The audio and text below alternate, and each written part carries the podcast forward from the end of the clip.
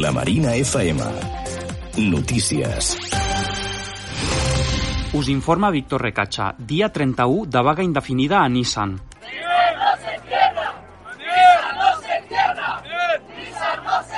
Així sonava ahir l'autovia A2. Els treballadors mantenen la lluita contra la multinacional japonesa, que vol tancar la fàbrica de la zona franca al desembre.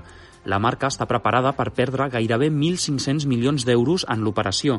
El govern d'Espanya havia xifrat els costos del tancament en uns 1.000 milions. Semblava una exageració dins la negociació per pressionar Nissan que no marxés, però un informe intern de la pròpia empresa indica que encara es van quedar curts.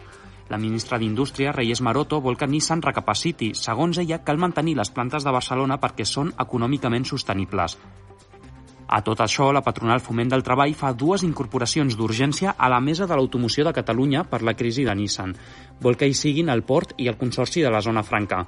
Les dues institucions seran ara membres d'aquest grup de treball que depèn de la patronal.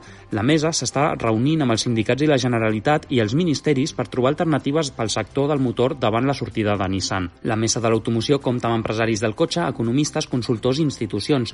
Els moviments que s'hi estan fent a contrarrellotge busquen potenciar la indústria de l'automoció i assegurar la seva viabilitat a Catalunya ara que Nissan ha anunciat que se'n retira.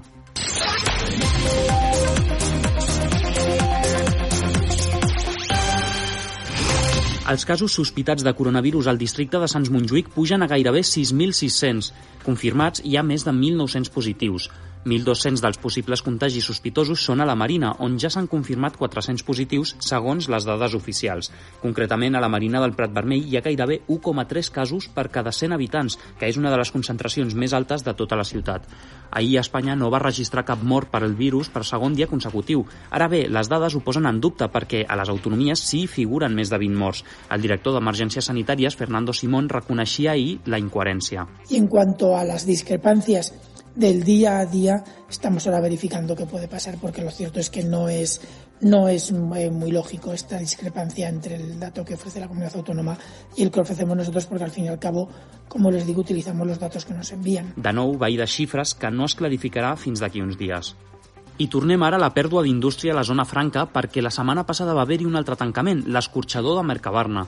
El que passa és que va passar més desapercebut davant la gran notícia, que evidentment era Nissan. Alejandro Flores en té els detalls. 80 persones es queden al carrer amb la decisió de tancar l'escorxador, que es farà a finals del mes de setembre. Mercabarna alega que aporta acumulades pèrdues de 22 milions d'euros i que ja hi ha altres proveïdors que poden absorbir la seva producció. Comissions Obreres exigeix que no es tanqui per no destruir més teixit productiu i protegir els llocs de treball del polígon. Mentrestant, un dels principals problemes del mercat majorista és que no sap què fer amb el perímetre. De moment, el tancament de l'escorxador alliberarà gairebé 27.000 metres quadrats d'espai, que es decidirà durant els pròxims mesos a què es destinarà. El segon buc de càrrega més gran del món fa escala a Barcelona. L'MSC Sixin va ancorar dilluns al port. Entre les mercaderies que va descarregar hi ha gel hidroalcohòlic, guants de làtex i maquinària mèdica per fer front a la crisi de la Covid-19. Així destacava la importància de l'arribada d'aquest vaixell a Barcelona la presidenta del port, Mercè Conesa, en declaracions a BTV. Que avui arribi un vaixell d'aquestes característiques eh, i la primera escala que faci eh, doncs, a l'estat espanyol sigui Barcelona, eh, és una molt bona notícia. Nosaltres el que estem reafirmant és que Barcelona disposa d'una infraestructura preparada per donar servei als nous reptes que ens vindran. El vaixell fa 400 metres de llarg i pot transportar més de 23.000 contenidors. El disseny de la nau permet reduir-ne les emissions. Aquest gratacels flotant ja s'ha alpat de Barcelona, però el port està preparant inversions perquè hi puguin entrar més vaixells de gran calat. I el Club Natació Montjuïc recomana tècniques de meditació i relaxació. Albert Aguilar ens amplia la informació esportiva. Tantes setmanes de confinament han disparat els casos d'ansietat i estrès. El Club Natació Montjuïc creu que una bona manera de combatre'ls és dedicar uns minuts diaris a la relaxació i a la meditació. El club exposa que en primer lloc s'ha de controlar el ritme de la respiració. En segon lloc, és necessari observar els pensaments que passen pel cap en aquest instant.